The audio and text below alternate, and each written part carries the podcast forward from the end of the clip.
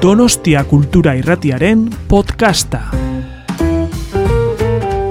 Ezkerrik asko etortzeagati, bene-benetan. E, bueno, suerte handia daukazue, gaur daukagun solaskidiak benetan merezi dulako, eta badakizue hau dela, ba, elu eta donostia kulturak elkarrekin egiten dugun solas zaldi ziklo bat, e, izena du emakume zintzelarien argitan, argi handia dauka telako guri emateko, gai askotan, eta justu gaurko kaia, ba, ezaten joan, dano inporta digula besteak ere bai. Honek oso modu nabarmen eta eta ikusgarrian eta danok sentitzen deguna osasunari buruz izango dugulako eta osasunari buruz, baina ikuspegi ba, benetan mm, integral eta gizartearekin erabat lotuta. Bai. Bestela esan, eh? Ondo. Ba, Amaia Bazigalupe dela era, soziologian lizentziatua da, politika publiko eta gizarte politiketan masterra eta osasun publikoan doktoretza ditu, unibertsitateko irakaslea da, eta Eusko Jaurlaritzako osasun saian burutako osasun publikoare buruzko ikerketa lanak e, kaleratu ditu ikerketa lerro nagusiak, hemen dator esaten izuena, osasuna ze ikuspegikin lantzen duten, ba, biztanleriaren osasunean eragina duten gizarte faktoreen ikerketa da, gizarte mailaketa eta gizarte desberdintasunak. Batez ere, gizarte desberdintasunak osasunean eta osasun harretan. Azken urte honetan, ba, krisialdiak osasunean izandako eraginaren inguruan ikertu du, eta gaur egun osasuna eta osasunarre eta genero ikuspegitik eta ikuspentu feministatik e, arakatzen ditu. Opik osasunaren gizarte determinatzaile eta aldaketa demografikoari buruzko ikerketa taleko kidea da, eta lehenengo gauza eskerrik asko etortzagatik, benetan, badakit e, nolakoa dan zure agenda, eta gainera bilbotikoneare azortzia ez da precisamente hola. Gusta. Hau es are gutxiago, eh? Bai. Nuen imaginatzen gonbidatu ninduzunean. Ja ilun izango bai, zala, claro, gonbidatu nun udan. Eta ordu hauetan artian arkizeon. Beintzat ateri dago. Bai, beintzat. Segide zala, ze hori jamana dago. Eta lehenengo hau eskatuko dizut, eh, bueno, opik aipatu dugu, et, zei bilbide izan dezun, igual hasieratik hasiko gea, zei bide egin dezu ba, zientzia munduan sartzea erabaki zenuenetik, opikera iritsira arte? Bueno, ba, bueno, lehenik eta behin eskarrik asko, Ana, plaserra da zuri beti baietz eh, esaten dizut edo zertara, e, hau da nire lehenengo aldia hola elkarrizketa formalago bat egiten diatela, beraz, bueno, ere horrek ematen zidan, ez dakit, puntu hori ezberdinana eta, eta bueno, mi esker benetan. Bueno, e, bai, ibilbidea, ba, haian ez da beste edo zeinek egindakoaren e, oso ezberdina, ez? E, nik ikasi nuen soziologia, eta oso hasieratik argi nuen neri soziologiatik gehien interesatzen zitzaidana zen e, gizarte egiturak nolako baldintzak e, esartzen zituen talde gizarte talden artean eta horrek zenolako aldi berean zenolako eragina zuen bizitzan, alor e, ezberdinetan, ez? Egia da, e, osasuna beti interesatu zen zaidala, Bartzelonara joan nintzenean masterra egitera suerte handia izan nuen, hango praktiketan e, Eusko Jaurlaritzako osasun zailean egiteko aukera izan nuelako, eta hortik lotu nuen, han ezagutu nuen, pues, e, suertez e, urte pilotan han lanean e, ibili diren hainbat e, epidemiologo, baino gizarte formakuntza bat izandakoa eta gizarte ikuskera bat epidemiologiari emandakoa. Eta zentzu horretan, ba, nik e, hasieratik neukan e, gizarte desberdintasunak e, analizatzeko grina hori eta osasuna bestetik etorri zitzaidana, ba, hoiek biak ustartzeko aukera, ez?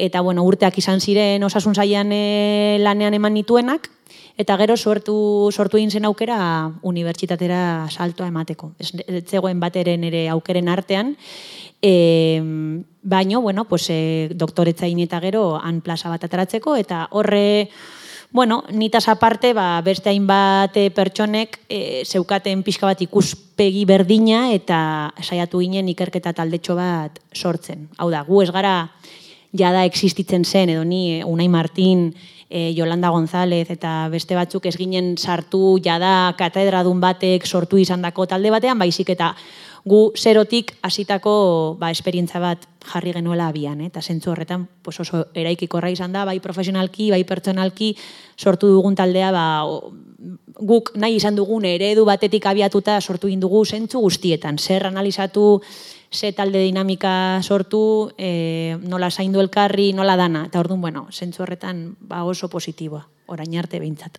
Arreta eman dit esan dezula hasieran, bueno, nire ibilbidea ez da asko bereizten ibilbide normaletik eta jendiaiko da pentsatzen. Bueno, ba, kontatu duna igual ez da burura etortzen zaiguna osasunean ikertzen duen bate. Osasuna medikuarekin ja. lotzen delako, gero unibertsitatean esan dezu etzinatela sartu ja eginda zegoen talde bat, emaizek eta zeuek sortu dezuela, zeuen ikuspegiarekin, eta metodologiarekin, eta egiteko moduekin. Nik uste dut horrek asko bere izten bai, duela, bai, zure ibilbidea, esan, esan da gero, klasiko batetik. Bai, bai, bai, egia esan, e, bai, oso talde anitza interdisciplinarra bene-benetan, medikuntza fakultateko eta gizarte zientzetako fakultateko hainbat irakasle eta eta ikertzaileek sortuta eta eta bueno bai bai ikus, ikuskera batekin osasuna analizatzerako orduan ba nahiko berezia dena.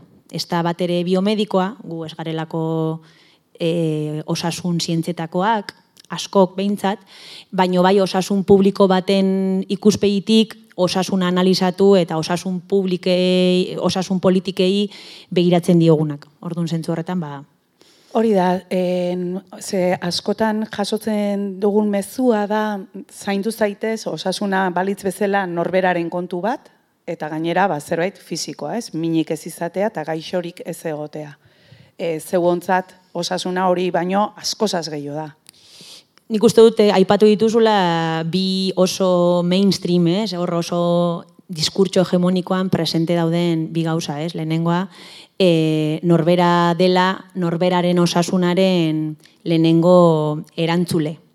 Egia da, e, erantzunkizun individuala beti kontutan hartu behar dugula, baino bakarrik kontutan hartzen badugu hori, norberak, pertsonek, modu individual batean osasuna zaindu edo zaintzeko gaitasun hori ba, galtzen dugu pelikularen euneko laro gehiago. Hau da, guk osasuna zaintzeko edo osasun astura deitzen diegunak, osasun, nola da, habitos de salud, e, osasun txuak izateko aukera hori oso baldintzatuta dago, zeintzuk diren gure, gure bizi baldintzak. Eta zenolako momentutan eta zenolako e, e, gizarte egitura, gizarte egitura sortzen dituen ardatzen ezberdinetan zenolako posizioa daukagun.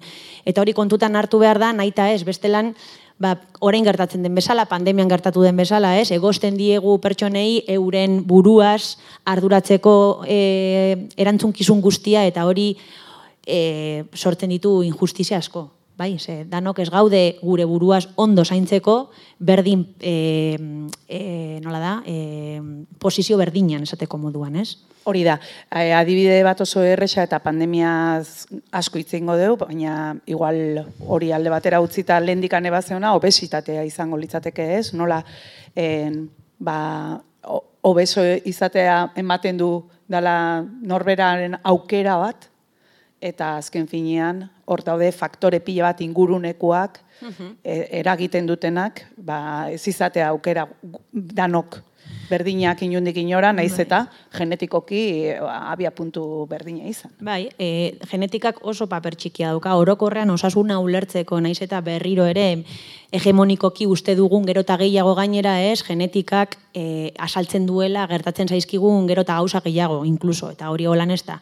Obesitatea hitz egiten, ba, argi dago, ikusten badugu bai hemen, bai, bai e, errenta ertain eta altuko, ze egia da errenta basuko herrialdeetan patroia ezberdina da, baina bai hemen, bai Pekinen, bai Parisen, bai edozin lekutan analizatzen dugula obesidadearen patroia, ikusten badugu klase soziala edo e, ikasketa mailarekin oso harremanatuta badago, eta hori ikusten da, gero eta basuagoa gure klase soziala edo gero eta basuagoa gure ikasketa maila, obesitateak gora egiten du. Patroi hori horren errepikakor, horren konsistente, horren berdintxu agertzen bada testu inguru desberdinetan, susma desagun horren atzean ez dagoela norbanakoaren e, e, ez da zen, autonomiaren efektua, baizik eta justo kontrakoa, ez? Gizarte egituraren efektua eta impactua.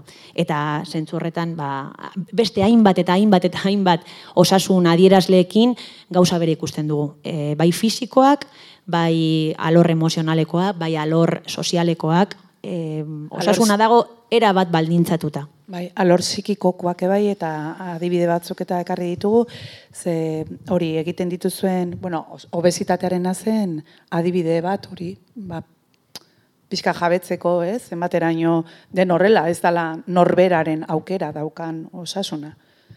Dala, gizartearen barruan, dauden de, determinante edo baldintzatzaile hoien araberakoa.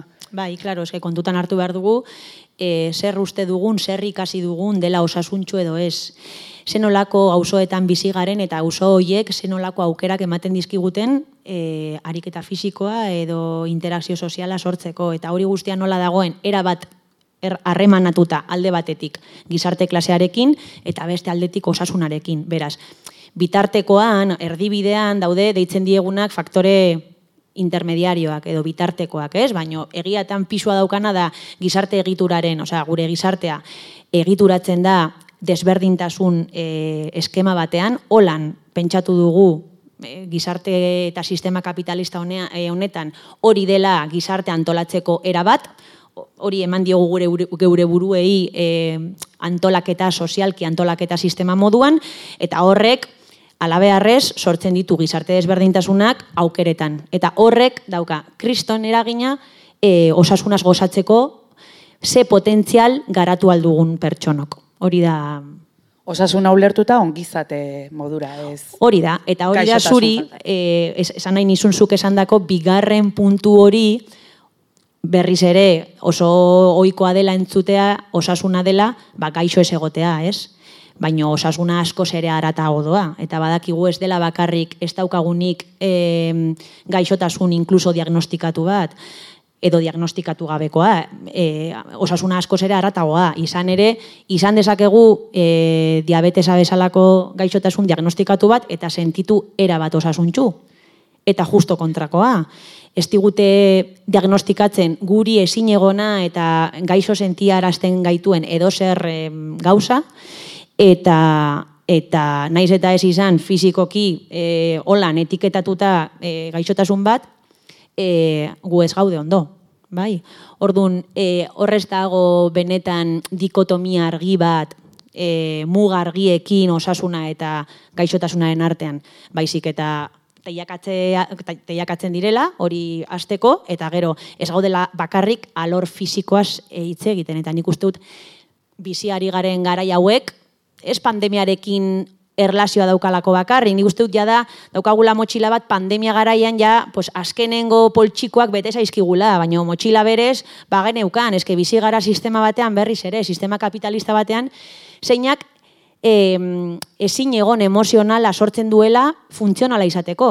Hau da, egon behar dugu etengabe, gauzak egiten, e, produktiboak izaten, e, gainera, gure bizitzako etapa desberdinetan. Bai kriantzan, bai lanean sartzen garenean, bai garatzen dugunean karrera profesionala, beti egon behar dugu, erritmo oso... E, pues, gaixotzen duen erritmo batean. Hori da, sistemak behar duena, gasolina moduan, ez? Orduan, claro, daukagu motxila bat, orain pandemian esan bezala, azkenengo poltsikoek ja, pues, e, e, zera, e, desbordatu direnak. Eta emozionalki horrek, claro, ditu e, pilo bat impactu, ikusten ari garen bezala. Bai, e, ba, bueno, nahi bali madezu, itzeitia daukagu ze ikerketak egin dituzuen, adibide bezala ikusteko jendeak, eta en, hau neiko impactantia da, ez da, eta da, bizi itxaropena zenbatera ino alda daitekeen, segun, nun bizi zean, eta horrek, claro, horrek dakarrenarekin. Bai, e, hitz egiten genuen obesitateaz, hitz egin genezake e, tabakoaren kontsumoaz, hitz egin genezake arazo kroniko ezberdinez, eta guztia da oso harrigarria. ikustea zen- ze mailatan dagoen baldintzatuta gure bizi e, baldintzen arabera. Baina pentsatzen badugu indikadore batean benetan gordina dena e, eta e, es- esartzen duena bizi edo hilik egoteko e, muga hori da bizitzaropena, eh? zenbat urte bizitzea e, e, e, espero dugun, depende nun bizi garen. Bueno, pues, em, ez da bakarrik hauek dira bilboko datuak, hau da opikek lan egindako e, ikerketa hildo batetik, ataratako datuak, bilboko lehenengo osasun plan lokalari e, e, diag, osea, plan horren diagnosian atara genituen hainbat hainbat datu, ez? Batez ere Unai Martin e, Martinek egindakoak.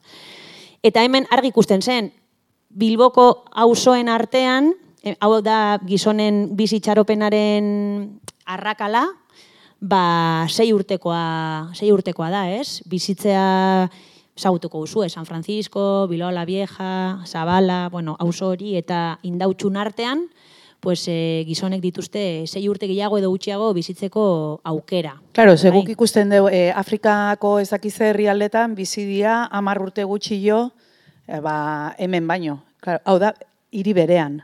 Hau da, hiri berean, eta, eta horrek, bueno, e, gaina e, kalkuloan hainbat zailtasunekin. Osa, esan nahi dut, ziurrenik pertsona bakoitzari egokitu albako bagenio bere e, maila sozioekonomiko individuala eta ez nun bizi den, azkenean hori dela deitzen diogu proximo duko bat, ez? Horrek esaten digu gutxi gora bera, nola suposatzen dugun dela zure maila sozioekonomikoak. Bizi basara indautxun edo bizi basara San Francisco, baina azkenean da adierazle bat nahiko zeharkakoa.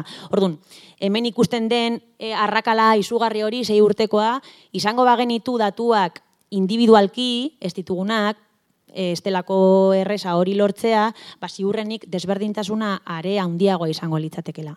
Ere esan behar dago, Bilbo ez dela e, zera bat, eh? ez dela e, nola da, salboespen bat. E, errealidade hau bizitzaropenaren gizarte desberdintasunena e, analizatu den edozein hiritan, edozein e, e, udalerritan, edozein lekutan, e, distantzia oso handia da.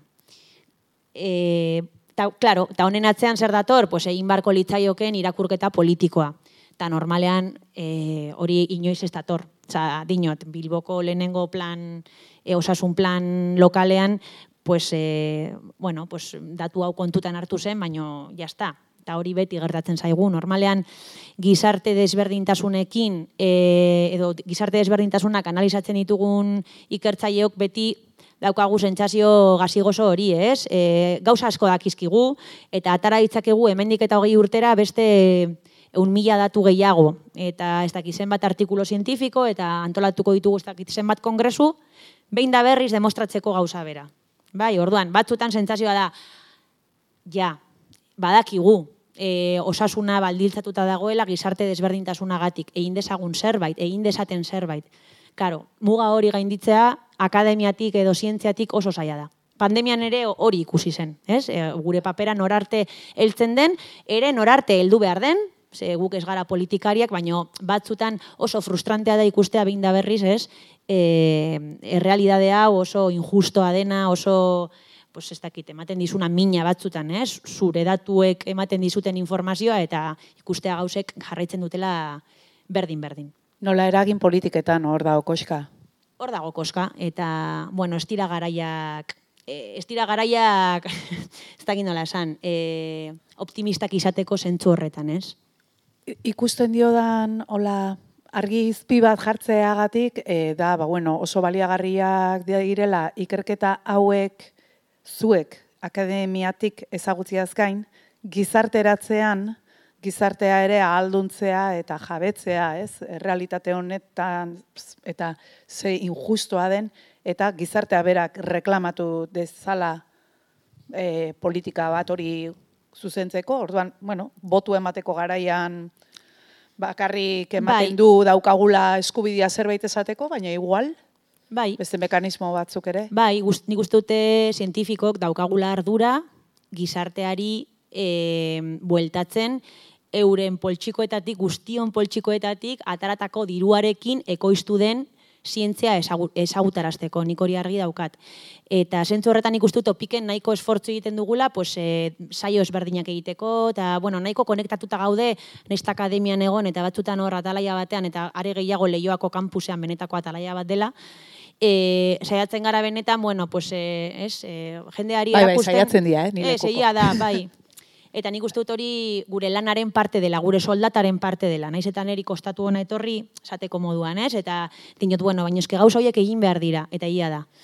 E, geho jendeak zer eskatzen duen, eta hori nola bilakatzen den botu, hor ja, e, e, en fin, bakoitzak ditu bere impresioak zentzu horretan, ez? Osea, ze gauza harrigarri gure herri txiki honetan gertatzen diren, baina bueno, hortan agian ez gara gehiegi Bai, sartu horregatik behar. esaten hori igual, eh, eh, ematen dula o sinestarazten digute edo badirudi edo sistema daola antolatuta, ematen duela eh, ahotsa bakarri daukagulak eh, norbanako, herritarrok boto emateko garaian, da igual beste mekanismo batzuk ere bilatu beharko genituzkela. Hori da, hori da. Hori neko pervertituta dao sistema Erabat. bera daukaia Era bat. neko eh, bideratuta. Bueno, ontas aparte, ze beste gauza ekarri ditut olako Bai, hori da. laupaosta adibide zuek ikus ditzazuen. Hemen Eh, ikusi deu en auzokakoa eta gero bueno, tamen daude gauza pila bat, ezta? bai, Baina generoa da gizarte, hau da, ezta? Bai. bai. Bai. Bai, generoa guretzako ere beste olako eh, ardatz fundamentala da, ulertzeko e, osasuna zelatan eta zergatik den okerragoa modu oso sistematiko batean, oso errepikakor batean emakumeengan gizonengoen gizonengan baino, bai hemen esan bezala eta e, beste dozein lekutan emakumeok bizitxaropen luzeagoa daukagu, bai? E, baino gure osasuna kaskarragoa da. Bai mentala, bai fisikoa, bai arazo kronikoak, bai deitzen dioguna e, aktivitatearen limitazioa, e, bai hainbatetan. Nahiko oso e, nahiko tozudoa da errealitatea zentzu horretan, ez? Baina agian osasun mentala da e, generoaren influentzia hau argien edo argienetan argienetariko ikusten den adierazlea. E, berdin du ikusten dugun e, lehenengo zutabe hauek ez, em, berdin du ikusten badugu ze sintomak ditugun, adibidez. Igual ez ezue irakurtzen eta esan ingo izuet. En, hemen ezkerretik hasita da osasun mental txarra eta ikusten dezue emakumezkoena da ilun da ona eta eta argilagoa da gizonezkoena, bai? Urrengoa erdikoa da diagnostikoa depresioa eta antxietatearena eta horreren nabarmen ikusten da e, zutabe emakumezkoena asko handiagoa dela eta koska gaina proportzio handiagoa da osasun mental osoa baino eta e, azkenekoa da psikofarmakoen kontsumoa, botiken kontsumua eta horrere berriro koska askoz handiagoa da emakumezkoetan osasun e, mentala orokorrean hartuta baino, nabarmenagoa dira diferentziak diagnostikoan eta kontsumoan. Kontsumoan erraldoiak dira. Kontsumoa ja da, ja. Bai, em, bueno, honek adierazten duena da emakumeok eh, pues osasun mental txarragoa daukagula eta hori ez da batere arraroa gure ingurunean eh, edozein emakumengan pensatzen badugu, inkluso gure buruangan pensatzen badugu, eh, zenolako bizi baldintzetan orokorrean bizigaren emakumeok zenolako ardurak, zenolako zailtasunak, zenolako prestigio maila duen edo dituzten egiten ditugun lanak, eh, zenolako espektatibak dituzten beste gugan, e, eta bar, eta bar, eta bar, luze baten ondorioz, ba, ez da arraroa e, bizitza, e, guk deitzen diegu, sufrienteagoa bat izatea, ez? Osa, sufriarazten gaituen bizitza e, bat daukagunez, hau ikustea, bat ere arraroa. Bueno, gu pixka bat aratago joan nahi izan genuen, hontan saiatuko gara, a ber, e, batzutan ez da horren beste emakumeok osasun mentalago, eh, osasun mental kaskarrago bat izatea, baizik eta edo bai, ont, e, zeratik abiatuta, planteatu ginen nahi genuela ikusi zein neurritan osasun profesionalek daukaten ere errestasun gehiago emakumeoi medikalizatzeko eta jartzeko diagnosia gizonezkoei baino modu erresago batean e, depresioana edo ansietateana. Eta zein neurritan ere batzutan geneukan susmoa psikofarmakoen preskripzioa askoz ere modu erresago batean, alaiago batean egiten dela emakumeen artean gizonezkoen artean baino. Bai. Eta hori guztia egin izateko, bueno, pues gure analisi estadistikoak egiten ditugu, eta ona hemen pixka bat zer ondorioztatzen dugun, ez? E, epa, epa, epa. Zer ondorioztatzen dugun? Bueno, pues, emakumeok, eta hor dator pixka bat e, labur bilduta, emakumeok gizonok baino, gizonek baino euneko laro eta seiko probabilidade gehiago dugu, depresio eta ansietate diagnostiko bat izateko, sintomak berdinak direnean. Hau da, estadistikoki, demagun, ez? Hola, ordenagailu eta programa jak, mm, zera, inteligente hoiekin, berdin, berdintzen baditugu gizon eta emakumeak, bai? Ba, inkluso berdinak, artifizialki berdinak egiten baditugu, emakume hoi kasi e, diagnosi bikoitza jartzen digu osakidetzak kasu honetan, eh? Ze da EAEko osasun inkestatik etorritako datuak 2018koak gizonezkoei baino. Eta ikusten dugunean zenbat gehiago e, preskribitzen dizkiguten psikofarmakoak, ba, ikusten dugu, imaginatu, osasun mental berdina gizon eta emakumeen artean, diagnostiko maila berdina, e, zer gehiago dago sartuta hor, e, osasun zerbitzuetara joatearen e, kopuru edo, edo bizita mediko kopuru berdina. Hori guztia berdintzen badugu modu artifizial batean bisexuen artean, inkluso hori holan izan da, emakumezkoi euneko berrogeta mar gehiago, edo emakumeok daukagu euneko berrogeta mar gehiagoko probabilidadea psikofarmako bat konsumitzeko. Ordun, horrekin esan nahi dut, osasun arreta eta osasun zerbitzuen funtzionamendua ere oso eraginda dagoela gizarte baldintzatzaileen gatik. Eta, eta e, osasun profesionalek, zuk eta nik, eta hemengo edo zeinek bezala, gure motxilan ere kargatzen ditugula e, gure aurre iritzi desberdinak, eta, eta genero eta klase sozial, os, hau da, e, machismoa eta, eta klasismoa bezalako sistema ideologikoek sortzen eta rasismoa sortzen dituzten. Edadismoa. Edadismoa. Eta hainbat eta hainbat beste sortzen dituzten estigma eta aurre iritzien aplikazioaren ondorio.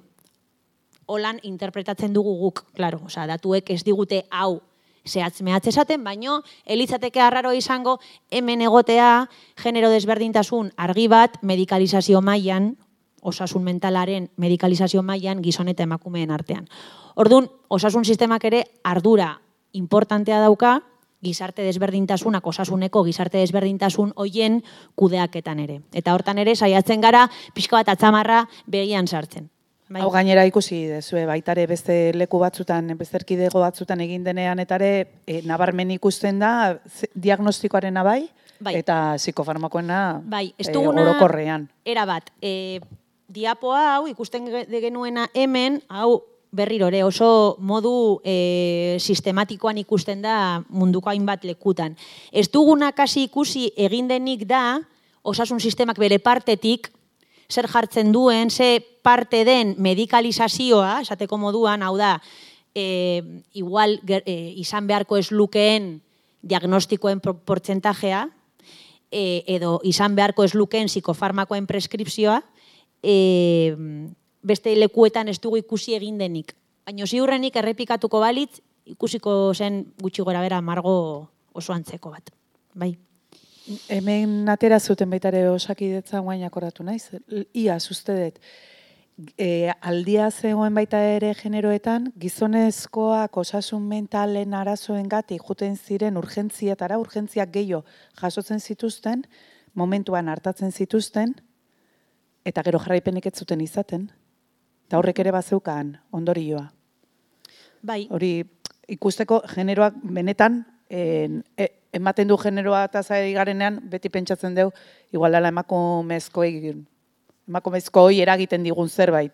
eta ez ez, gizonek ere badute generoa, eta genero bai, bai, bai. portaera eta aurri iritziek, ba, baita ere eragiten. Izugarrizkoa, klaro, guztiok bizi gara sistema patriarkal baten aspian eta generoan influentzia, influentzia negatiboa askotan ikusten da ere gizonezkoetan. Suizidioa oso adibide ona da sentzu horretan, ez? Eta osasun mentaletik esatera nahian. E, gizonen e, suizidiatzeko edo buruaz beste egiteko probabilidadea ez dakiten e, makumezkoen e, bikoitza o irukoitza, osea askoz magnitude handiagoa da eta horren atzean ba generoa ere dago E, eta, eta, bueno, eta, bueno, bai, hortan sarkin intezke, baina ez da, ez da igual orain momentua, baina Bai, Ez, ez, bueno, san bakarrik hori, eh? Oso, nik uste dut eh, oso azalpen beharrezkoa dela. Bai. Generoak ez dio eragiten bakarrik Hori, hori, hori, Bai. hori da, hori da. Hori da.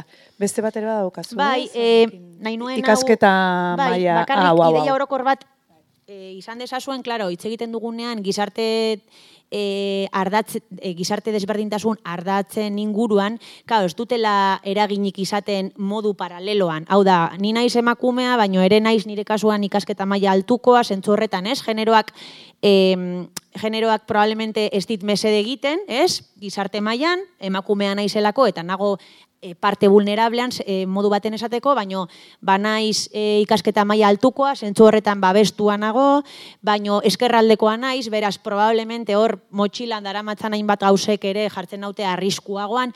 En fin, honekin esan nahi dut pertsonok gaudela, ez? E, zeharkatuta hainbat ardatzengatik eta pertsonok garela e, gauza integral bat. Ordun, egiten ditugunean analisi mota hauek hartu behar ditugu albada batzutan ez da erresa kontutan modu e, e, nola da, e, aldi beretsu batean, ba alditugun beste e, gizarte desberdintasun ardatz. Eta kasu honetan ikusten zen, kontatzen dizuedana, hau da, emakumezkoi egosten dizkigutela diagnostiko askoz gehiago gizonezkoi baino, eta preskribitzen dizkigutela modu dirudienez alai batean psikofarmakoak, ba hori ez da gertatzen maila sozioekonomiko altuko populazioan. Eta bai gertatzen da, eta hor ez dizuta ez dizueta salduko rollo badelako e, baina bueno, gutxi gora bera e, grafikoak adierazten duena da, hau bereziki agerikoagoa dela e, maila sozioekonomiko basuko populazioan. Osea, gizarte genero desberdintasuna areagotzen da, gizarte desberdintasuna areagotzen denean ere. Hori Bai, da, orduan grafik- interakzionatzen dute modu baten esateko. Bai. Grafikoan ikustia daukazue, ba, e, eziketa maila oinarrizkoa edo gutxiagokoa, bigarren go mailakoa eta unibertsitatekoa. Eta unibertsitateko horretan ikustia daukazue, ezkerraldean diagnostikoak, ansietatea eta depresioarenak asko txikiagoa diela unibertsitate mailako ikasketa dituzten emakumezkoetan, eta gauza bera gertatzen da e, botika psikotropikoen preskripzioarekin. Eta akordatzen naiz egin zenuten kongresu hietako batean, arrazoi bat baino gehiago zeuden hau azaltzeko, baina bat zan, ze negoziaziorako ze almen e, daukan ikasketa dituen emakumezko baten. Bai, eske, claro, eh, deitzen Hau, dioguna eh, encuentro kliniko horretan, hau da, kontsulta batean zer gertatzen den analizatzen dugunean, ba, argi dago, eh, gero eta sentsazio, medikuak gero eta sentsazio handiagoa duenean eh, erlazio berdintxu batean dagoela, Orduan, empatia aktibatzen da eta berak bere buruari zer egingo liokeen e, mekanismo hori ere abian jartzen da gehiago eta e, kontsulta aurrera eramateko mekanismo hori e, desaktibatzen da baldin eta profesionalak sentitzen du gero eta urrunago bere gizarte klasetik, bere generotik e, pazientea, bai? Eta orduan, e, bueno, ere ikusi da, horrekin erlazionatuta, eta ikusi genuen orain dela, inoiz dugu errepikatu analizia, baino EAN, EAEko datuekin, gero eta ge, ikasketa maila altuagoa izan, gero eta probableagoa da, arazo berdinarekin zure famili medikuak deribatzea espezialistara. seguro. Bai. Eta hor ere, bueno, hainbat gauza gertatzen dira, utz ditzagon alde batean diskriminazio argiko kasuak egon badaudela, baina ez dugu pentsatu behar profesionalak naita, nik ez dut inoiz pentsatu nahi, eta hala da uste dut naita, egiten duela praktika txarra baizik eta hor, abian jartzen direla beste edon horri ere, nik klaseak ematen ditudanean, eta eta fruta dendara goazenean, eta zuk zure lana egiten duzunean, eske e, modu ez konsiente batean, hor, aktibatzen dira, ba, motxila barruan ditugun hainbat e, aurre iritsien mekanismoak, eta kontsultan ere, nola ez, hoiek aktibatzen dira. Nik uste dut justu horrexegati dela importantia horrelako gauzak ikustea ez, ez jabetzeko, Claro. benetan zer, zer gertatzen zaigun, barneratuta daukagu hori guztia jaio garenetik ari gara jasotzen. Bai, bitu. Osea, ez da horren- inor erruduntzeko inundik inoa, da, baizik eta... mesua da hori, ez? Guk urtero ematen dugu e, formakuntza modulo bat e, famili medikuak izango diren, famili eta, kom, eta komunitate medikuak izango diren e, egoiarrei, hau da, residentei, eta harrigarria da nola, horren gazte izan da, baino jada sei urte, e, sei urteko formakuntza zorrotz eta gainera oso eredu biomediko batetik, batzutan, zurruna eta nahiko jerarkikoa eta e, nabaritzen da ze balore transmititu diren eta nola heltzen diren residentzia egiten astera, nola e, estira gai hau gertatzen edo honen moduko zerbait gerta daitekela onartzea. Estira gai. Behin e, modula aurrera doala eta hainbat adibide jarri eta gero, claro, eta ikusita estela naita txarto egitearen asunto bat, baizik eta soritzarrez gizarte honetan bizitzearen ondorio, ba, orduan ja gauzak asten dira beste modu baten ikusten, ez? Eta hori oso importantea da. Desera ikuntza, egitea kognitibo hori, desera ikuntza bat, baina guztiok, eh, gure bizitzan, gure egunerokotasunean hainbat gauzetan. Ba, klaro, osasun profesionalek ere, nola, ez? Claro, bai, ez da, gaina, erabat ulertzekoa da, e, egoiliarri izatera iritsi baldin badira, hain justu izan da, barneratu eta onartu dituztelako bidean jarri zaizkien arau eta eta ikuspegi hori noski. Be, bezala bazterrean gelditzen bai, dira. bai, hori bai. erabatu lertzekoa ba erabatu lertzekoa den bezala nola dauzkagun aurre iritzi horiek barneratuta baina ze importantea bai, desera ikitzea bai. bai. Jo ba en aurrera jarraituta daukazue beste ikerketa hau ja pandemiara bai. sartuko gea. Hori da, eta bai. akordatzen naiz pandemiaren hasiera xamarra, bueno, bai, uda hartan bai. zan, elkartu ginean ja izineten e, aurreekin. Bai, e, ez ginen gu bakarrak izan, asko geneukan susmoa ah, konfinamendu madarikatu horrek e, impactuak izango zituela, ez, alor askotan. Eta gu oso polita izan zen, etxean gelitu ginen, guztiok bezala, eta e, opikekok elkartu ezinik, esan genuen, baino eske zerbait egin behar dugu, osea, e, egoera hau e, gainera ez da berriz ere gertatuko, osea, zientifikoki ere zen aukera bat oso interesgarria eta politikoki ere, ez?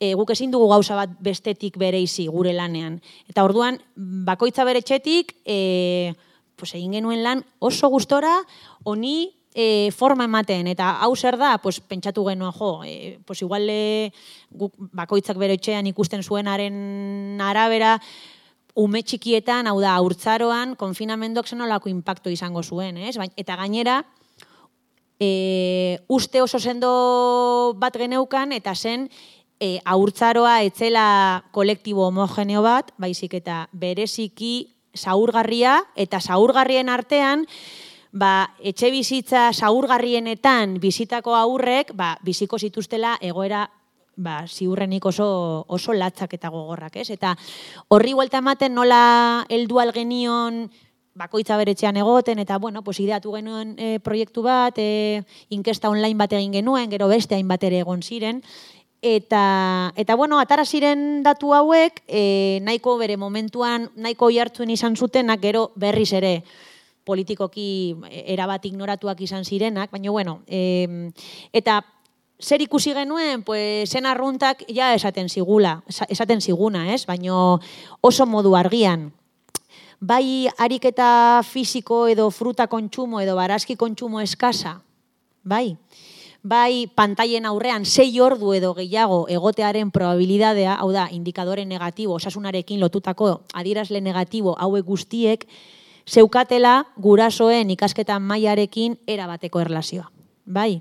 Eta hemen ikusten da, honi deitzen diogu guk garradientea, ez? Ikusten denean nola goitik bera jaisten diren zutabeak, ez? Eta nola gero eta ikasketa maila txikiagoa gurasoek, ba, adierazle hau negatiboa dela, pues gero eta altuagoa, bai? Eta kasu guztietan gauza bera. Bueno, pues hau bezala ikusi genuen ere, e, gurasoen e, osasun mentala eta fisikoa nola e, bereisten zen sexuaren arabera, ikasketa mailaren arabera, etxe bizitzetako baldintza fisikoen arabera, eta bueno, honekin guztiarekin, pues, e, egin genituen pare bat artikulo, eta batez ere egin genuen txosten hau, e, pues, pixka bat debatean, ez, azginte, bueno, eta, eta nik uste dut egon zela, edo medioetan igual, e, ikusi, e, ikusi e, e, e, ikus genezan, ez? Sozialki ikus genezan, e, edo zer politika modu unibertsalean aplikatzen dena, eta klaro, konfinamendua izan zen unibertsaletatik unibertsalena, ba, euren efektuak inoiz ez dira berdinak. Ze, klaro, e, jatorrizko egoera eta jatorrizko baldintzak, pilo bat baldintzatzen dute, ze bizipen du, baina e, esaten dudanean politika unibertsal bat, ari naiz edo zer gauzeta hitz egiten, adibidez.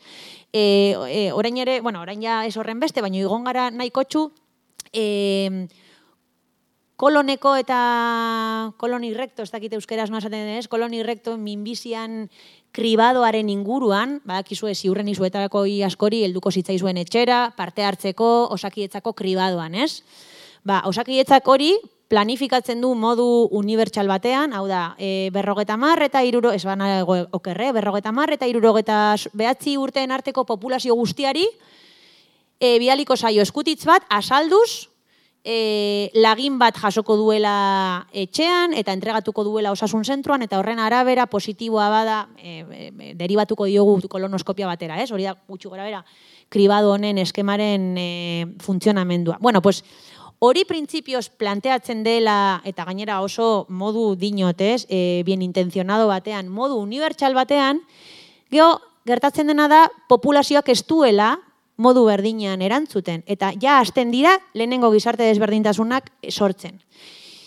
Minbizi bat dena askoz ere incidente eta pre, oza, askoz ere ohikoagoa gizonetan, emakumekoetan baino, eta ordea, generoak ere hemen dauka eh, esateko asko, baino hemen ordea mesede egiten die emakumei, askoz ere modu e, frekuenteagoan parte hartzen dugu emakumeok gizonek baino.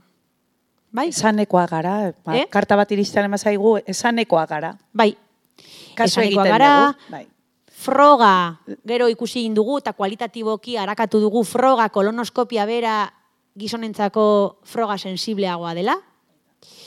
E, emakumeok historikoki izan dugu askoz ere ardura gehiago gure gorputzen gan eta inguruko osasun e, asuntoetan, beraz, osasun zerbitzuekin askoz ere ohituagoak gaude harremanatzera, beraz horrek ere errasten duelako. Osa, honekin guztiarekin esan nahi dudana, ez desagun pentsa egiten duguna eta politikoki diseinatzen duguna modu unibertsal eta eta homogeneo batean, e, ez duenik izango efektu e, desberdin bat. Hor, e, COVID-arekin beste adibide bat oso oso argia izan zan, hasi zirela txertoa jartzen, eta ondo egina, adine nagusikoenengatik eta abisatzeko modua SMS bat zan. Ez que, claro, gertatu dira horren beste gauza nahiko despropositoak izan direnak, ez? Eta, eta nik uste dut, a ber, pandemia igual etzela izan, e, oza, nik, e, por romper una lanza, ez? Etzela izan garairik e, egokiena gure politikariei eskatzeko e, bereziki e, lan fina. Ze, egun batetik bestera eta ez jakintasun maila handiarekin gauza asko erabaki behar ziren. Hori esan da, desproposita handiak egon dira, bai? Eta, eta jarraitzen dute egoten. Eta batzutan da, ba, ba bueno, pues, e, bueno, ez dakit, ez dakit zergatik den. E, ez dakit, badakit, baino ez dakit nola esan. hau grabat iten data. Zuk esan mm. pi. en fin, bueno. Badaukago beste bat. Eh, en fin. Kau, gero, eh, nahiko txu entretenitu ginen ere, eh, aditzera ematera, ez? Eta pixka bat eh, denuntzia moduan egiteko, ez?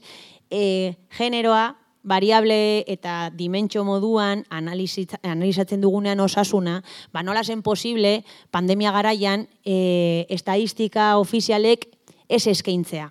Bai? Eta datu pilo bat geneuz, geneukan e, eskuragarri eta pilo bat analizi egin ziren, baina momentu batetik aurrera datu askori kendu egin zioten ministeritzatik, eta bueno, Eusko Jaurlaritzatik beste mundu bat izan zen, baino e, ministeritzatik datu askorik kendu egin zioten sexuaren desagregazioa. Osea, ez genituen datuak emakume eta gizonentzako modu bereiztu batean. Hori galdu zen, e, 2008ko ustaietik aurrera. Egon zen, apagon estadistiko moduko bat, ez dagoena, e, esena egon... E, ez dakit nola esan, e, bilatuta modua, baizik eta nik ustut berriz ere, horren beste gauzak e, tartean, ba, ba, bueno, e, Carlos III, Instituto Saud Carlos III bueno, pues pixka bat gainezka zebilen eta gauza batzuk publikatzeari utzi zioten. E, izan genituen hilabete gutxi batzuk zeinetan sexua bai izan genuen eskuragarri, adibidez ikusteko, zeintzuk ziren, ea, e, COVID-a ezauga, ezaugarritzen zituzten sintoma tipikoak, goatzen zarete estula, aire falta, ez du goratzen, azukarra, bai?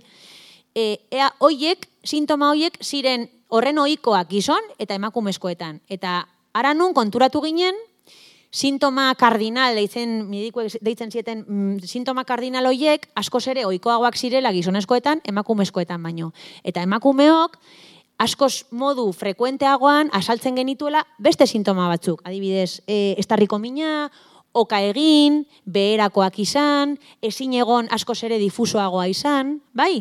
Eta orduan, e, horren atzean, bueno, edo, edo horren aurrean hobe esan da, galdera da, e, esote gertatu, gertatu zen atzerapen diagnostikoren bat emakumeen artean, baldin eta hegemonikoak eta erabiltzen ziren sintomak, benetan ziren gizonezkoetan ematen ziren sintomak. Bai? Bueno, pues, pues probablemente horren inguruan eh, gauza gertatu ziren. Hori, eh, seguru asko entzuna egingo zaizue, bihotzekoa, bihotzekoen sintoma ohikotzat jotzen direnak dira gizonezkoenak, ez dira emakumezkoetan berdinak izaten eta horiek ez dira ohikotzat hartu. Ba, igual hori ere bazeon.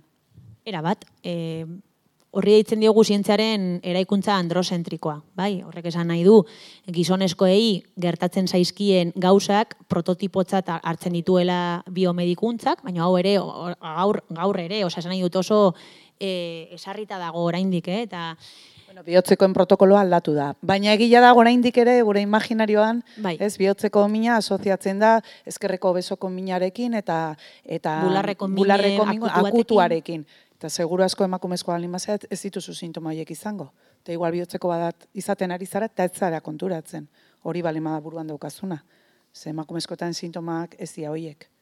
Eta oraindik ere sintoma mota hoiei deitzen diegu sintoma atipikoak edo, Bueno, edo biomedikuntzak deitzen dio, bai. osea medikuek deitzen dute sintomatologia atipika, ez? E, protokoloa aldatu da, baina. Bai, baina bueno, gure burua kaldatzia, ba, ere, bai, bueno, kostatu iten da. Bai. Bai. Eta azkeneko oragoaz, ez da? Ah, eta bai. bueno, eta azkenekoa ere COVIDari lotutakoa eta justo orain esan dudanari lotuta eta anak ere komentatzen zuenaren arira lotuta, eh, ere pixka bat geneukan susmoa, bueno, geneukan susmoa, badakigu zientzia, ez, ezagutza zientifikoa, e, nahiko itxua dela generoarekiko. Eta horrek esan nahi du, ba, e, gaur egun protokoloak eta praktika diagnostikoak eta praktika terapeutikoak eta orokorrean medikuntzaren funtzionamenduan e, erabiltzen den evidentzia zientifikoa askotan ez dagoela bereizita emakume eta gizonezkoentzat. Bai? Ez hori bakarrik baizik eta e, dagoela e, ezagutza asko ja nahiko metatuta, e, emakumeok parte hartzen dugula askoz e, modu e, e, infrekuenteagoan, osea, askoz gutxiago parte hartzen dugula, ikerketa zientifikoen laginetan, muestretan, bai? E, ordun gutxiago parte hartzen dugu, e, ikerketek normalean ez dituzte euren emaitzak e, bereisten sexuaren arabera, beraz, zientzia itxu dago generoari dagokionez. Bai? Gizon gehiago parte hartzen duten eslaginetan, normalean, ikerketa mota hoietatik ataratzen diren emaitzak asko sobeto egokitzen dira gizonezkoen kasuetara, bai? Gorputzaren funtzionamendua, funtzionamendura, normatiboagoa delako eta eta e, egonkorragoa hormonalki eta beste hainbat indikadore biokimiko hori dagokionez, gorputz egonkorragoak dituztelako eta ordun zientzia e, atzetik ere koste ekonomikoak direla di, direlagatik gizonak hartu dituzte askoz ere modu goikoagoan laginetan. Eta beraz, emaitzak esan bezala itxuak dira. Bueno, buruari galdetu genion, ea hori ere COVID garaian jakinda, inzidentzia gizonezkoetan, osea, desberdintasunak zeudela, bai inzidentzian, bai pronostikoan, bakizue, e, gizone, gizonezkoei askoz gehiago komplikatu egin zitzaien, edo komplikatzen zaie, oraindik ere pandemian gaude, ez? Baino Komplikatzen zaie e, gaixotasuna aldiz emakumezkoetan COVID iraunkorra askoz ere Hori da. ohikoagoa da.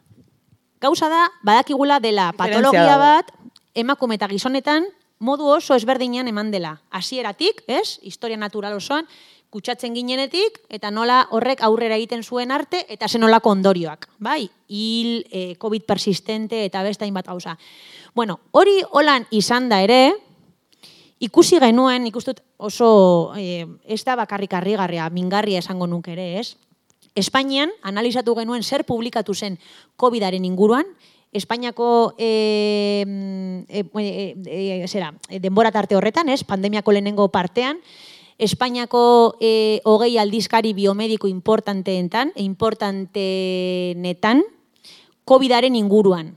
Bai, eta ikusi genuen artikuloen kasi euneko laro marrak, ez zituztela e, emaitzak bereizten gizon eta emakumezkoentzat. Osea, hartu egin diren mundu mailan, esan nahi dut ez bakarrik Espainian, hartu egin diren erabaki kliniko eta politiko guztiak, egin dira kontutan hartu gabe gizonak eta emakumeak ezberdinak garela. Ez hitz egi- ez hitz egiteagatik beste gizarte desberdintasun ardatzen inguruan. Por supuesto, hoiek egon direla euneko eun ausente debatetik. Baina hau, adina moduan, ez? Ez genuke imaginatuko eh, adina ez zuela izan behar kriterio bat demagun e, txertaketa programetan. Edo beste hainbat, e, edo pertsona bat ospitalar, eh, ospita, ospitalean e, ingresatzeko kriterio moduan, bai? Edo Sintoma ziura, edo ziura juteko. Edo ziura joateko. Adina beti da kriterio bat kontutan hartzen dena. Sexua ez, bai? Eta bueno, pues, e, nik uste dute pandemia izan dela e, itxukeri honen isla bat baino ez. Beste bat. Bai, nik uste dut izan dela, eh, adibide oso agerikoa, Hori baina ez da bat ere ezoikoa izan. Baizik eta, bueno, e, orain arteko patroi guztiak errepikatu india, eta, bueno, biderkatu inda, ba, danoi tokatu zaigula korti pasatzea, Bai. kasik, ez? Bai, bai. Eta azkenengo gauzatxo bat ekarri dizuet, e, bueno, pues, e, lehen esan bezala, osasun sistemak, gure kasuan osakietzak, ez, zenolako, e, zenolako funtzionamendu, zenolako e, zerbitzu mota, ematen duen inguruko gauzek ere interesatzen e, zaizkigulako. Eta pandemian zer gertatu zen sistemarekin, ba, sistema egun batetik bestela eraldatu zela.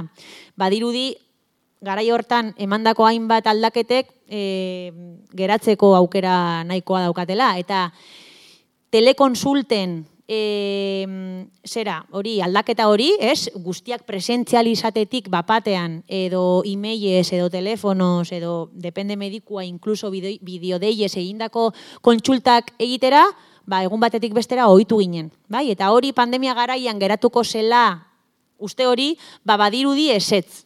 Bai? Zer ikusi genuen, eta eta hau ba, modu oso askar batean, ez? E, osakietzak populazio osoa gu guztio gaitu e, sailkatuta lau mailetako e, sailkapen maila, osea sailkapen kriterio baten arabera.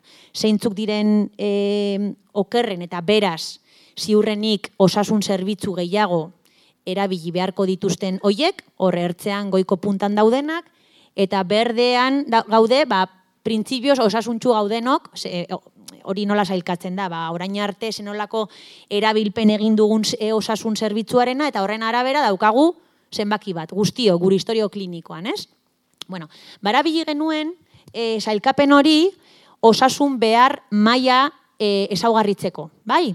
Seguk egun neukan susmoa, e, telekontsultetara saltori, eman izan dako saltori, ba berriro ere, printzipioz unibertsala izan beharko lukena eta guztiontzako inpaktu berdina izan beharko luken politika batek geneukan susmoa ezuela izango eta eta e, gizarte ezberdintasunak sortuko zirela. Bueno, hemen bakarrik ekarri dizuet osasun mailaren araberako inpaktua, baina ikusten dena da 2019tik, hau da pandemia aurreko datuetatik direla hemen argien dauden e, zutabeak e, pandemia garaira ilunen diren zutabe hauek, ba, erabilpen e, aldaketak egongo zirela. Eta argi eta garbi ikusten da, eta adinaren arabera eta beste aldagai sozioekonomikoen arabera, epa, ere ikusi dugu, ba, okerren zeudenak, hau da, osasun behar gehiago zeu, zeukatenek, bai gizonetan, nola emakumeetan, bera egin zutela erabilpen mailan,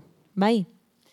eta nola hobeto geundenok, Oie, o- oiei, osea, guri, ni, ni barne, ni horre gongo naizelako, errezago egin zitzaigun erabiltzea sistema, ba, inkluso telefonos deitu, eta hemen atzean dago adina, logikamente, hemen dauden pertsona asko dira eh, helduak direlako, baina inkluso adinaren efektuak enduta ere ikusten da.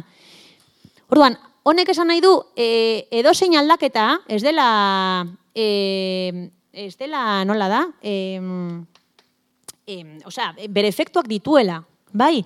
Eta ezin duguna egin da planifikatu politikoki gauzak modu berdinean helduko balira populaziora eta ez esperotan populazioak modu desberdin batean e, erantzungo diola politika aldaketa horri. Eta hemen argi ikusten da, azkenean nork hartu du onura gehiago edo nork e, izan du onura gehiago. Zegoena. Gutxia, gutxien behar genuenok. Bai. Eta horri deitzen diogula osasun publikoan e, lei de cuidados inversos, ez? Gehien batzutan osasun sistemak gehien gehiago atenditzen du gutxien behar dituzten pertsonei, pues hemen argi ikusi da, gertatu dela. Bai, orduan, hau geratuko da, pues geratzen bada, politikariek jakin barko lukete, e, pues mesede egiten diotela, mesede egiten diotenei. Eta zaurgarrienak, berriz ere, bai osasun baldintzengatik, bai gizarte mailagatik, bai generoagatik edo beste edo zeir gauzengatik, berriz ere ziurrenik e, alde batean geldituko direla eta eta horrek gizarte desberdintasunak osasunean areagotuko dituela. Ba, Ze panorama, eh? Baina, bueno, en, komeni da jakitea, ba, hasierara bueltatuta, horrek gero eragina izan dezan, ba, gure, e, gure indarrean, ze indar egiten dugun politikak aldatzeko. Ez? Bai. Hori- izan beharko luke, luke, bai. izan beharko luke ekuazio logikoa, ez? Baina claro, garai soroak bizi ditugu eta eta bueno, pues eh, imaginatzen dut norberaren ekuazio horretan horren beste gauza sartzen dira, ez? Hori da, la bozka gehiago, ez da? La claro. gehiago baino horri Hor- heltzea. Bueno, pues, eh, Pixka ja bukatzen juteko eta ja suabeo eh, hemen literaturarekin lotutako ekitaldiak eta egiten dituzu eta eskatzen diet solaskidei ekartzeko eh, biliburu bat zientziarekin edo beren ikerketa gaiarekin zerikusia izan dezakena eta beste bat ba libre eta komentatu igozu amaia zer Bueno, ba, ez dakit zientziakin horren beste erlazioa daukan, baina bai filosofiakin eta eta eta zientzia egiten dugun askori filosofikoki zer eh, lantzen den, zer hausnartzen dugun eh, horrek ematen digu argia asko, ez? Eta nik uste dut Marina Garcesek eh, daukala gaitasun izugarria argia emateko. Eta liburu fin eta eta oso irakurta erraz honetan, e, nova ilustrazion radikal, ba, Marinak egiten du e, bizi dugun, ez? E, egongo balitz bezala pandemian, e, baino, baino bere momenturik akutuenean kokatuta, egiten du bizigaren garai zoro eta batzutan itxaropen gabeko sentsazio horren inguruko hausnarketa oso argi bat. E, lehenengo partea oso, oso e, tristea da, esango nukenik e, eskorra e, zentzu askotan, baina oso errealista, ez? Pertsonok, e, e, bueno, bizigaren momentu honetan galdu dugu etorkizunari, ez? Gure, probablemente gurasoek eta aitita monek zeukaten etorkizunari lotutako esperantza beti izpi hori, ez? E, orientatzen zit- zit- zituena, eta gure kasuan ari gara eta are gehiago bastakit aldaketa klimatikoa, bada gerran, eraita dago, dago umore txarrez eta triste, e, telebistan ikusten duenagatik, osea, ja ez da horren beste zuri zein neurritan e, ez, afektatzen dizkizuten olako arazo potoloek baizik eta eske giroa sortu da jasentzu horretan, ez? Eta gaur esaten zidan, eta eske gogoratu naiz berriro ere, ez? Eh, La condición póstuma eta eta Marina Garcesek hitz egiten duen pues, eh, pues garai oso desesperanzadore hauetan bizi garela. Baino aldi berean, liburuaren bigarren partean hartzen ditu, ba, ilustrazio garaiko baloreak, e, eguneratuak eta hoiei hausnarketa bat emanda eta planteatzen du pues que, pues que behar dugu pues una nueva ilustración radical, ez? Eta nik uste dut hortik joan beharko dutela airek, bestela argi dugu, argi dugu. Eta gero Ba, gomendagarria, niko Bai, ezagutzen de baita eta bai, gomendagarria. Eta Eta, gero, bueno, ezagutzen. Ez, ekarri indute niretzako, bueno, e, niri artea orokorrean asko gustatzen zait, eta orduan arteari lotutako e, literatura bereziki. Ez da erresa topatzea, eta, eta bueno, pues, e, Leonoraren liburu hau e, Nobel saria eman zioten e, askoz geroago, e, publikatu baino askoz geroago Elena Poniatowskaren Leonora honek egiten du olako ibilbide oso polit bat e, artea, arte abanguardiako artearen protagonisten inguruan.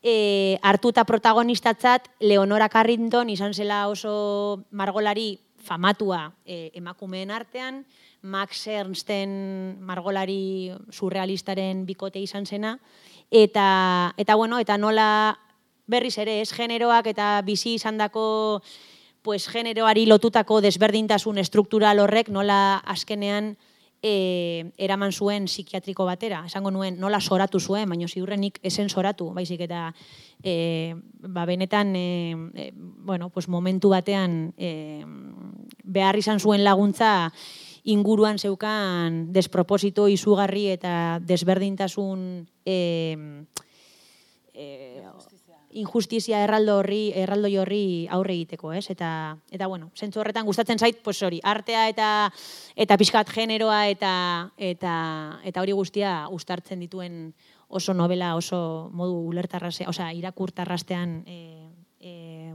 de, delako. Así que, pues hori. Hoiek nire bi liburuak. Ba, eskerrik asko, e, ja, aprobetsatzen dut, jendaurrian gaudela, horrela gogorrago egingo zaizu esatia ez baina guztia badakazu liburua ez badezu behar, eta bueltatze izut urtarrien. Hombre, bai? noski. Bai, ez da. Noski, noski. Eta guain zuen txanda, ezaki galdera baditu zuen, e, badaukagu tarte etxo bat, bai, badaukagu.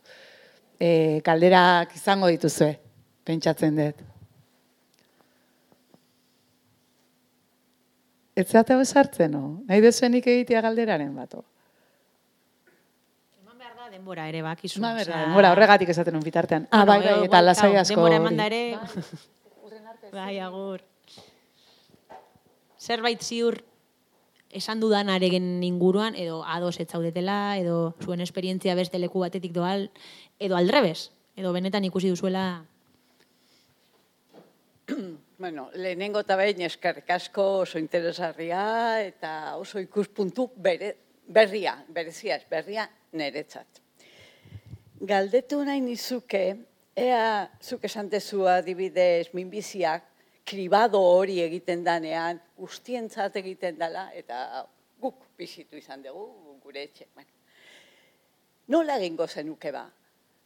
Ezin bada egin, odo, gaski nik ulertu dut, zurietza izula oso ondiruritzen egiten dan modua. Honik hori ulertu dut.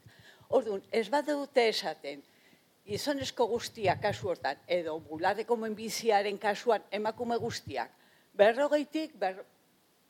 tarte bat jartzen, nola? Bai, bai, igual gaizki asaldu naiz, eh? E, aberre, bai, ez, ziurrenik gaizki asaldu naizela e, argi dago aditarte bat finkatu behar dela, eta zentzu horretan, a ber, e, osakidetzako programak oso ondo funtzionatzen du. E, Espainiako beste erkidego askorekin konparatuta, dituen e, parte hartze portzentajeak oso altuak dira. Dago, Gipuzkoako, ustutuko hierriko eskualdein ingurun hainbat osasun zentru, daukatela parte hartze bat izugarrizkoa dena. Osea, zentzu horretan, e, hori aurretik esatea. E, nik uste dut, batzutan dela gehiago e, e, jartzea e, e, jasoko duen pertsonaren asalean. Bai? Osea, e, pol, e, teknikari moduan, ze azkenean hemen, atzean, e, folletoa eta nola jasoko den hori guztia, pues hori teknikariak dira, osasun, osasun publikokoak, batzutan osakietzakoak, batzutan da bestearen asalean jartzearen e, ariketa hori egitea. Bai, e, beitu, orain ari dira urrengo e, deialdietarako e, kribado horren eskutitza e, horri buelta bat ematen, eta hainbat pertsonei bidali, e, bidali indigute, gure iritzia botatzeko, ez? Eta, eta claro, eske, e, holan, izan da lehenengo aldia nik irakurtzen dudana eta saiatzen naizela modu kritiko, baino aldi berean, pues nere ama, nere aita, nere aizpa, nere nebaren e, asalean, jarri naizela pensatzen, bueno, o sea, nik uste dut parrafo hau, demagun, eh? ez da ulertzen, o ez du aportatzen, edo honek e, desinte, desin, desincentibatzen du parte hartzeaz, e, e, edo hainbat gauza, hori hasteko. Gero, badakigu, e, badauzela eskualde batzuk, zeinetan, esan dudana, parte hartzea, eta normalean hori dago oso harremanatuta eskualdeko gizarte mailarekin.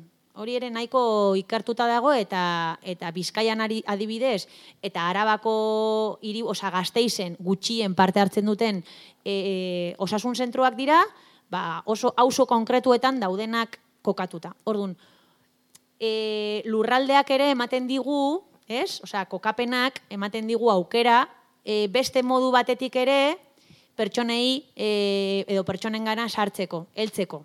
Igual jarri behar ditugu lanean auzoko e, elkarteak, e, e, edo ez dakit jubilatun e, elkarteak, edo... Beitu, aurreko gunean e, lagun oso laguna den Mikel Bazak, e, familia medikoa dena, esaten zidan, e, lehen, e, familia medikuko e, goiarroi eskatzen ziguten, e, praktika moduan, e, goiz oso bat, ospitale bateko itxaron gelan ematea. Listo, hori zen ariketa. Ez dago eser gehiago atzetik. Baina horren atzetik ez dago gehiago, baino dago mundu bat. Ze, igual izango da, e, aldi bakarra, egongo direnak egoera horretan. Eta da, kriston aukera, bestearen asalean, precisamente, jartzeko. Eta ulertzeko zer gauza gertatzen diren, kontsulta baten aurretik itxaron gela batean eta zenolako e, mila gauza ikas ditzakezun, ba hori bera nik eskatuko nioke e, politika unibertsal baten atzetik, eta berdin du osasuna den, eh? eskuntza den, e, politika unibertsal baten atzean e, diseinatzen dagoen teknikari bati, bestearen asalean jartzea eta pensatzea, hombre, claro, ni naiz, ez? Prototipo, emakume gizon, txuria, e, e, ikasketa maila altukoa, e, ez naiz inundik etorri, txuria naiz beraz. Claro, horrek ja kokatzen nau munduan leku oso zehatz batean. Eta hortik begiratzen dut mundua. Eta hori oso saia egiten zaigu, marko hori aldatzea. Ordun batzutan, gauza txoroenek ere, pues, txoroenek ere hor daude, baina ez gara konturatzen, eta normala da.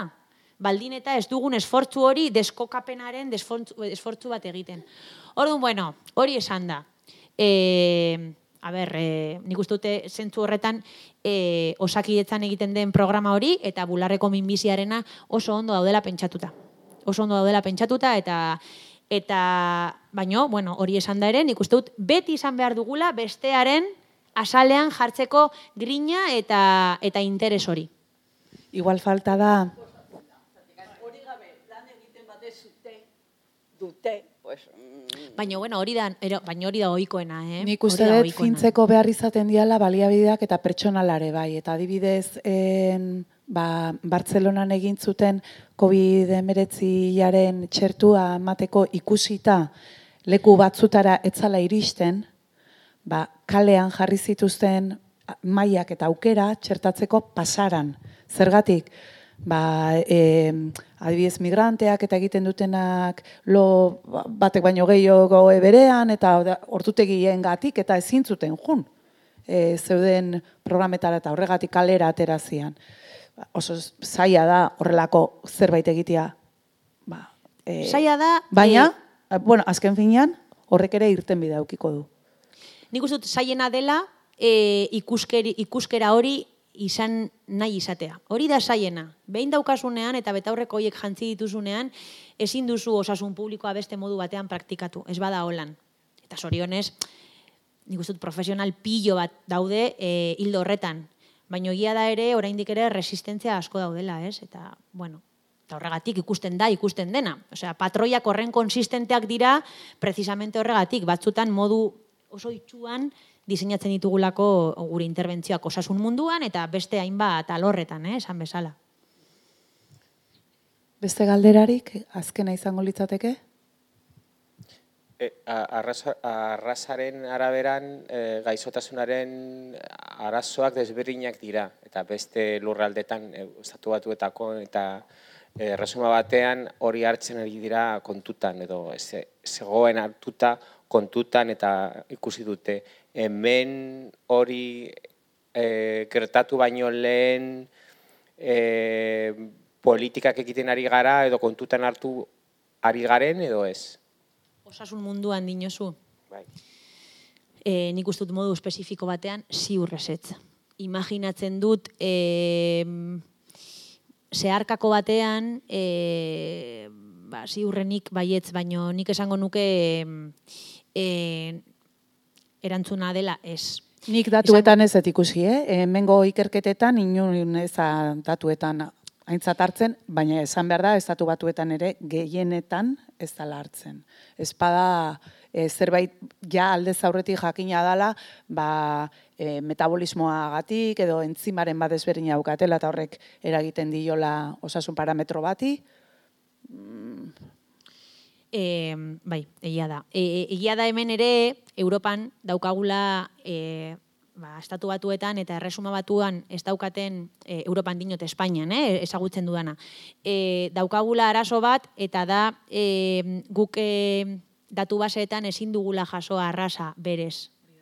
E, legalki ezin da galdetu e, galdetegi batean e, arrasagatik ordun. Bueno, saiatzen gara galdetzen, ba, nun jaion zara, edo zein da zure nazionalidadea, eta horrek bai ematen digula nahikotxo ikusteko, haus askoren artean, dakiguna ikusteko asko ere zailtasun gehiagoz e, heltzen direla osasun zerbitzuetara eta eta eta diskriminazio maila importante bat pairatzen dutela, baina ez bakarrikeaen, eh? E, hori bai dakigu. Ahora, e, patologia konkretuei lotutako arrasarekin lotutako espezifidadei buruz, nik behintzat ez dakit. Dagoen, esango nuke eset. Ez da gaina, eh, da pixkat leno komentatu deuna, ez? Ardatza gurutzatu egiten dira askotan, igual ez da hainbeste etnia jakin bateko izateagatik eta esan detena, ba, ez zaugarri metaboliko gatik, baizik eta bere bizi balnintzen gatik. Hor, fin, fin, ibi behar da. Ba, ondo irutze bali mazaize metxe utziko deu, eta eskerrik asko danoi etortzeagatik, zuri amaia, bueno, plazerrik aragarria, beti bezala ikasi dugu asko, eta urrengo sola saldia izango da honetan bertan, hiru os, azte arte barru, eta lurde zerrazti izango dugu hemen. E, lurde zerrazti anazadiko kidea da, eta lan handia egiten du e, obi komuna gerra zibilekoekin, baina baita ere arkeologiako e, desobiratzeekin eta, eta, bueno, ba, izango dugu aukera berrekin solasteko eta gonbidatuta zaudeten oski. Eskerrik asko. Eskerrik asko.